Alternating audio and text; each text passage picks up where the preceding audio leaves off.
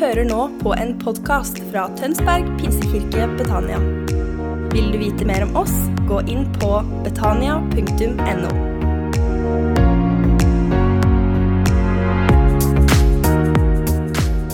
Fint å være her. og Vær så god, sitt ned.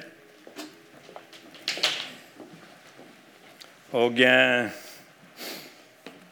dele fellesskap med dere denne formiddagen. Lill og jeg, Lill som har vokst opp her i det som da het Betania, på 50- og tidlig 60-tall.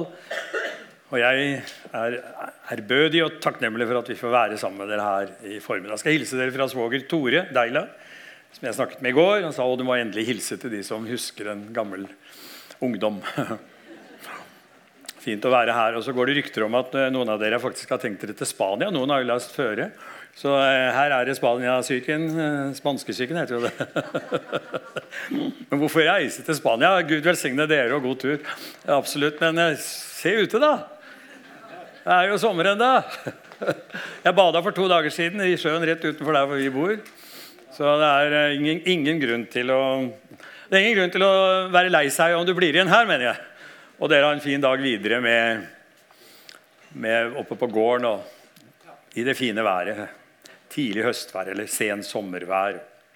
Jeg har, eh, fikk et bilde her om dagen for eh, noe av det skal vi kalle det, universet som vi som troende er i, vi som er samlet i dette rommet. Uansett hvor du står i forhold til tro, så er det på mange måter en, en, en bildegjøring av, av, av, den sammenhengen som vi lever i. da ut ifra dette at jeg ser for meg at vi står på denne siden av en bro. På denne siden ser vi det vi ser. På denne siden skjer flommen i Sudan, som tar tusener av menneskeliv. På denne siden skjer eh, jordskjelvet i Marokko, som utsletter en hel landsby og mer enn det. På denne siden er krigen i Ukraina. På denne siden er eh, flommen hans. På denne siden er E18 eh, e som går om kull nede ved Göteborg i går. På denne siden er alt det vi ser. På denne siden er eh, økte renter og økte strømpriser og pandemier. Det er, det er, det som er på denne siden. Det ser vi, det trenger vi ikke noe tro for. Det bare hender. Og vi ser det til tider så overtydelig. På den andre siden av broen står det i dette enkle bildet mitt da, Guds løfter. Det står der på og gjør, og gjør på en måte eh, livet på jorden annerledes. Fordi det finnes noe på den andre siden av en bro. Og på den broa så står det tro. For å komme til Guds løfter, for å komme til det som fins i en annen verden, i en annen virkelighet, så må vi våge oss ut på en bro som heter tro. Det mulig. For meg har det blitt en slags relevans eller en slags forståelig bilde. da, og kanskje det også kan, kan, være det for deg. Vi trenger ikke tro for det vi har på denne siden, som jeg beskrev, og du har sikkert mange andre ting. og Hvis det ikke stormer eh, rundt oss, så stormer det gjerne inni oss. Og så har vi et kaos av tanker. og Vi har ting i vår egne liv og vår egen livserfaring og livshistorie som vi slett ikke trenger tro for å se. Men det fins altså noe annet. Denne boka er full av Guds løfter. Nesten på annenhver side. Ja, hvis du virkelig gransker, så er det kanskje på hver eneste side fins det noe som er fra den andre siden, fra den andre verden, fra Guds verden. For han forsøker å fortelle oss at det er ikke bare det vi ser. Det er noe annet også. Å, altså, og noen ganger, da, for å fortsette bildet, så er det fryktelig langt til Guds løfter. Den broa virker så lang. Vi har trodd så lenge.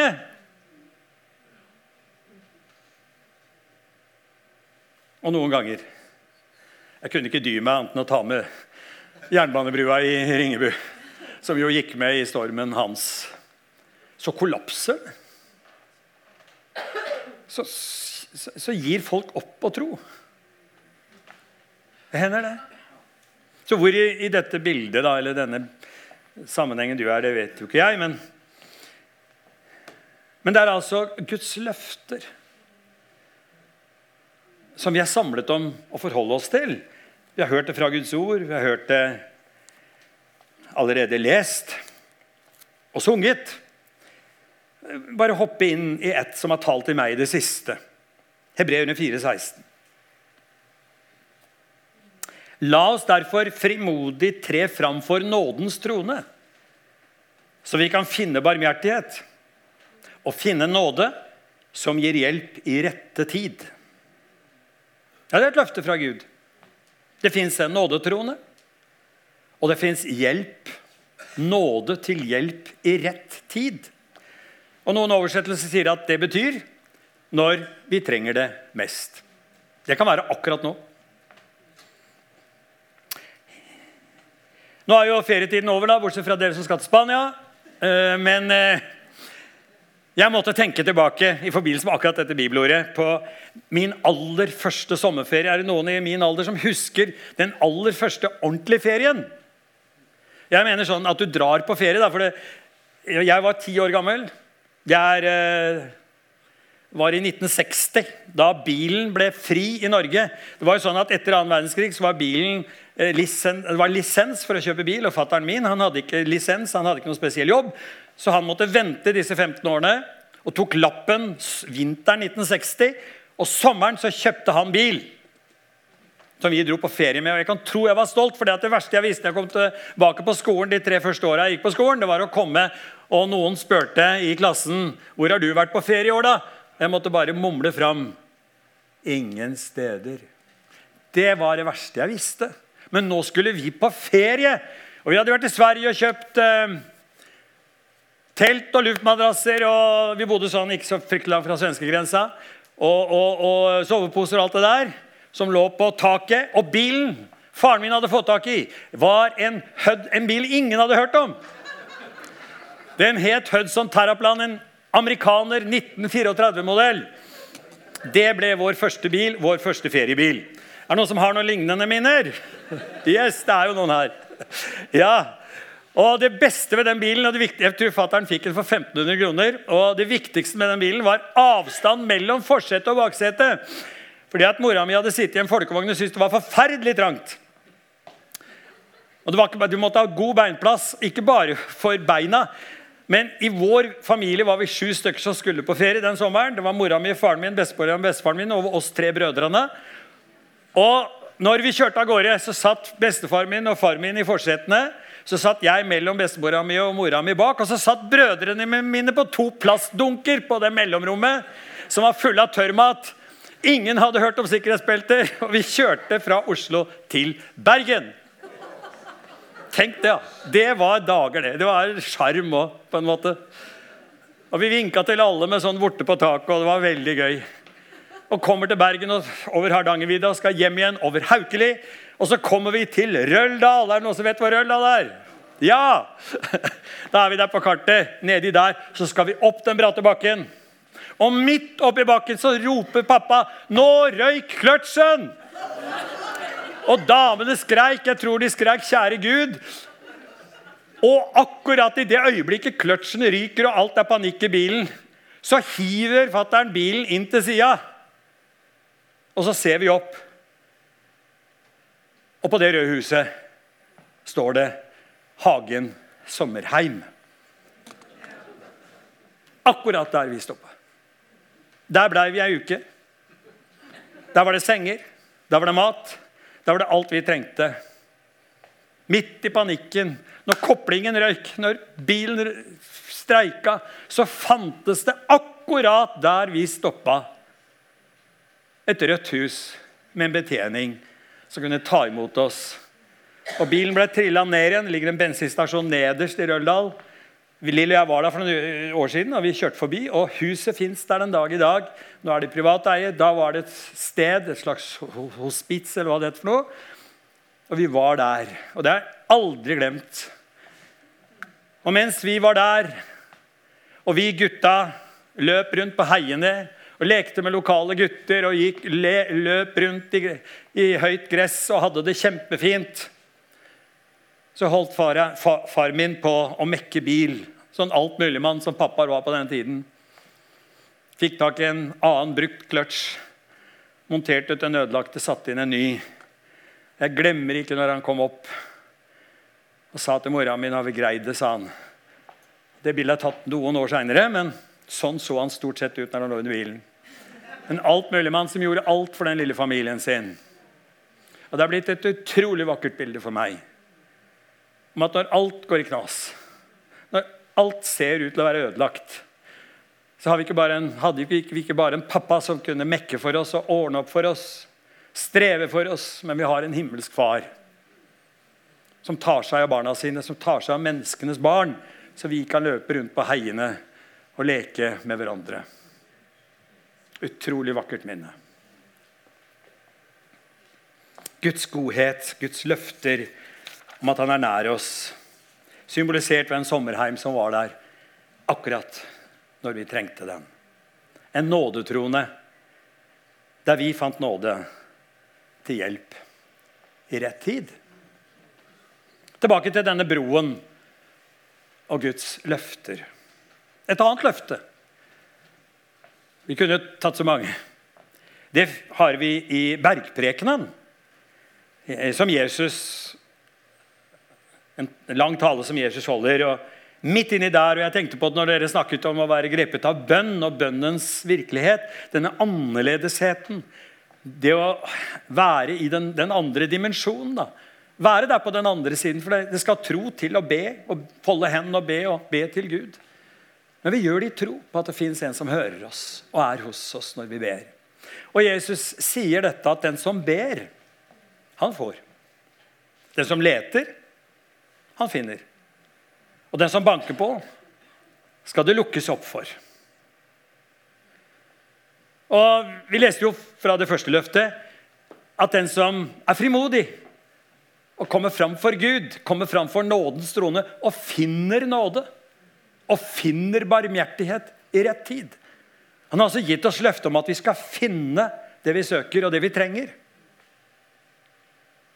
La oss ta en liten stopp ved dette bibelordet og koble det opp mot en annen veldig kjent fortelling som Jesus forteller.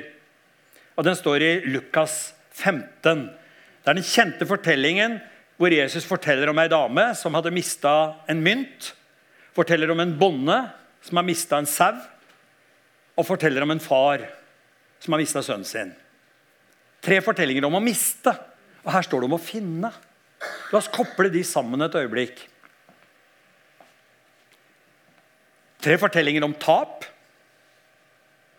Og som jeg sa innledningsvis tap. Det kjenner vi alle til. Men nå skal vi gå over den broa nå skal vi nærme oss og tenke Er det i mitt tap, i mitt, min tapshistorie i mitt liv, er det mulig å nærme seg noe? Kan jeg få lov til å tro at også jeg er i kategorien finne? At det ikke bare skal være fortellingen om tap som skal prege mitt liv og være i mitt liv, men at jeg skal få stole på det løftet at jeg skal finne. Finne det jeg trenger. Finne det jeg har bruk for. Finne til tider det jeg lengter etter. Den første fortellingen i Lukas 15 er om en kvinne som har mistet en mynt. Hun leter. Og Det spesielle med å miste mynter det er at mynter kan ikke bevege seg etter at de har blitt mistet. Akkurat som mobiltelefoner og nøkler. De ligger der du mister dem. Så hvis, ikke, hvis, du roper til eh, kjæresten din eller den du er i huset med, og roper 'Jeg skjønner ikke, jeg finner ikke lett alle steder', sier du. Det har du jo ikke gjort. Det eneste stedet du da ikke har lett, det er der hvor nøklene ligger. Det er jo alltid sånn. For nøkler kan ikke gå. Og mobiltelefoner kan ikke løpe, og mynter kan heller ikke bevege seg. De ligger der de ligger. Derfor så er det at den som, den som leter, den finner. Står det i løftet. Den som leter, den finner. Og Sånn er det jo i livet også. Forsoning det finnes bare der hvor bitterheten oppstår. Noen ganger må vi tilbake til utgangspunktet. Der hvor det ligger. Der hvor tap fant sted. Freden den finnes bare der ufreden kom. Tilgivelsen den fins jo der hvor konflikten oppsto. Vi gikk fra hverandre i sinne. Skal vi våge å gå tilbake? Der hvor det ligger. Der hvor det er. Vi kan ikke lete alle andre steder. Fins ikke overalt andre steder. Det finnes ett sted. Frelsen fins ved korsets fot. Finnes hos Jesus. Lykken søkes så mange steder, men frelsen, den indre freden, den finnes ett sted. Og vi skal feire det om litt i nattverdens store gave og vakre måltid. For mynten fantes et sted, og hun var julende glad. Hun var på det stedet, og så fant hun den. For den som leter, den finner. Der hvor det ligger. Der hvor det er. Bonden som leter etter sauen, der er det helt annerledes. For sauer er ikke som mynter. De løper overalt. Og han får panikk. Han kan jo lete overalt. Jeg aner at bonden mobiliserer. Mobiliserer et team. For da, nå handler det om livet. Livet til en sau. Hvor er den blitt av? Hvor er den gått hen? For sauer beveger seg. Det er nesten som å gå manngard eller gå og banke på det som banker på, skal det lukkes opp for. Kanskje vi må banke på mange dører. Kanskje vi må lete mange steder. Sånn som mennesker som har gått seg vill i, i storbyen pga. stoff eller alkohol. Eller, altså, vi merker at det er et team ute og leter etter folk. Takk og lov for at det finnes.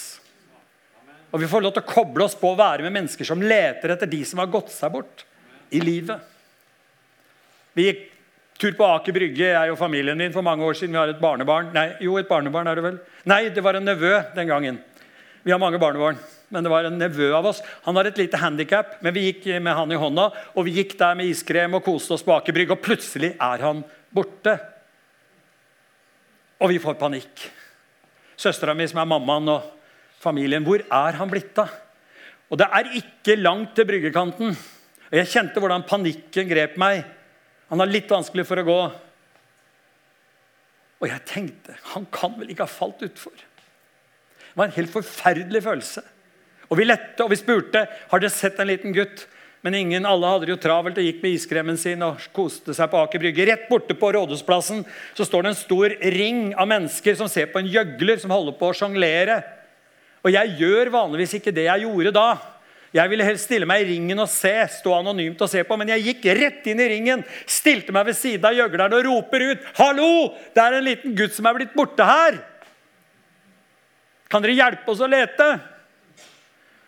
Og så løser ringen seg opp.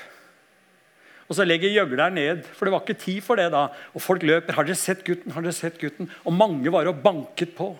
Og mange var og lette.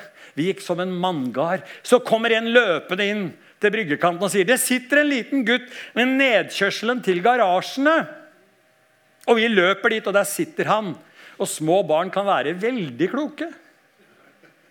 Sitter du her? Ja, jeg tenkte det. At når jeg ikke fant dere, så satte jeg meg der. Jeg, jeg visste dere kom for å finne bilen. Åh, klem, klem.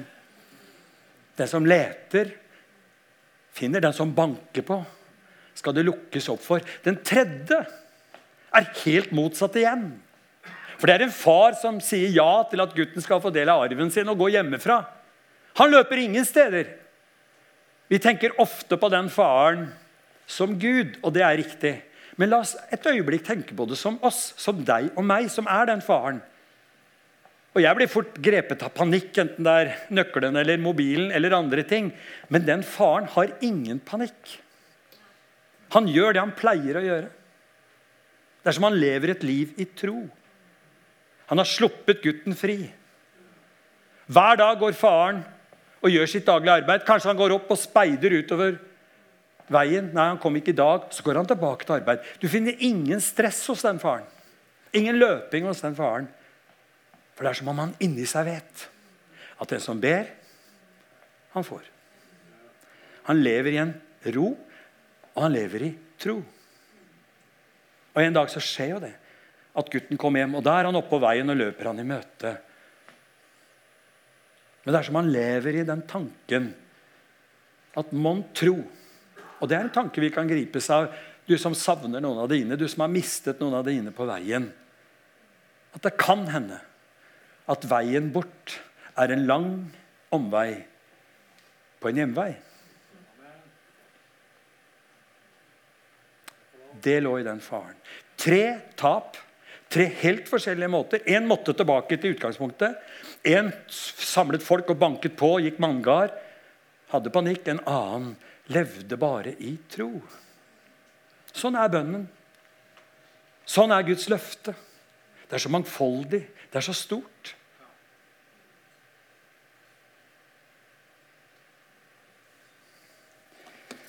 La oss gå til, tilbake da til, til broen igjen. Og eh, se at Jesus som underviser om så mange slags tapsopplevelser, sier på en måte til oss at uansett hvordan den troens bro ser ut for oss, om den er kort eller lang, om det er et kjapt bønnesvar, eller du føler at du har lett hele livet eller lengtet hele livet, så er det som om Herrens løfte til oss er Jeg holder alltid mine løfter.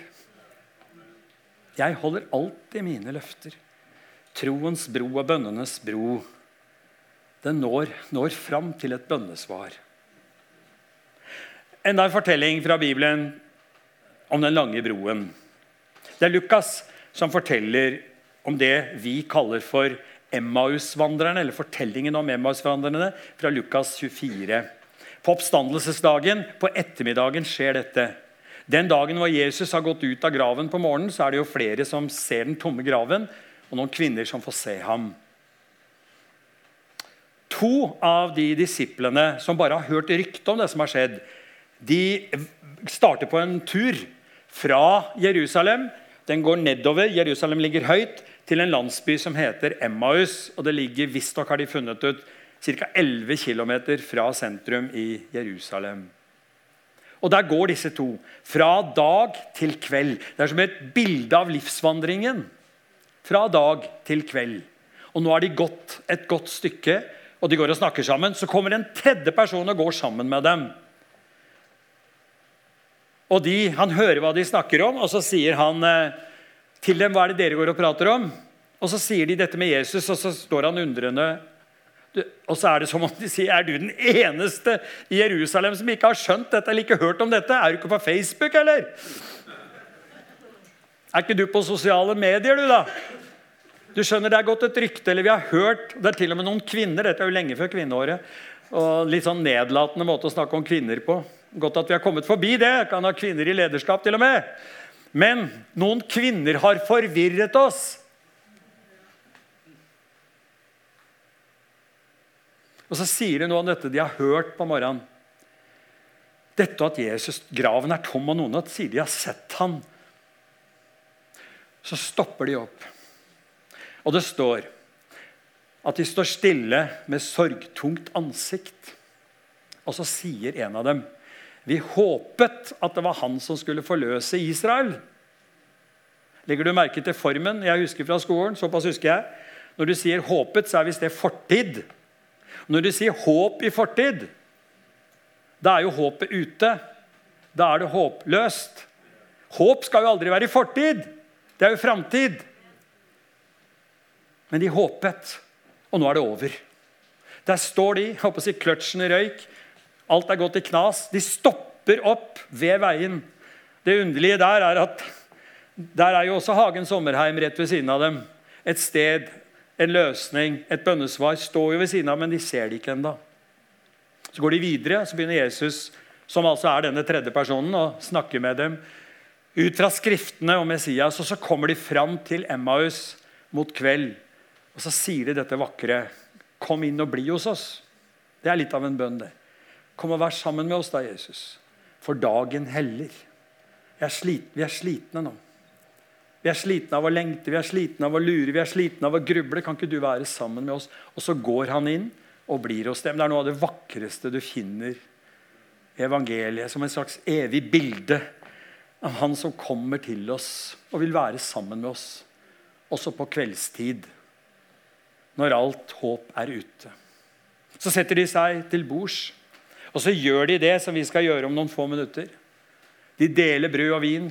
De sitter der, og idet Jesus bryter brødet, så blir øynene deres åpnet, og de ser at det er han, og så forsvinner han fra dem.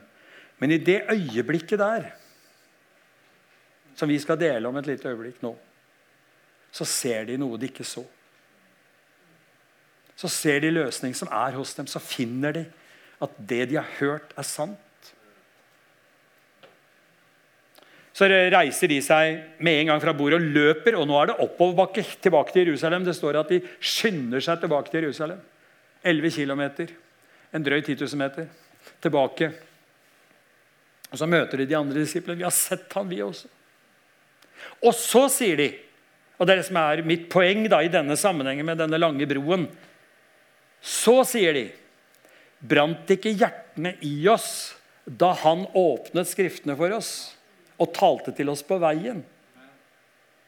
Brant ikke hjertene i oss da? Skjedde det ikke da?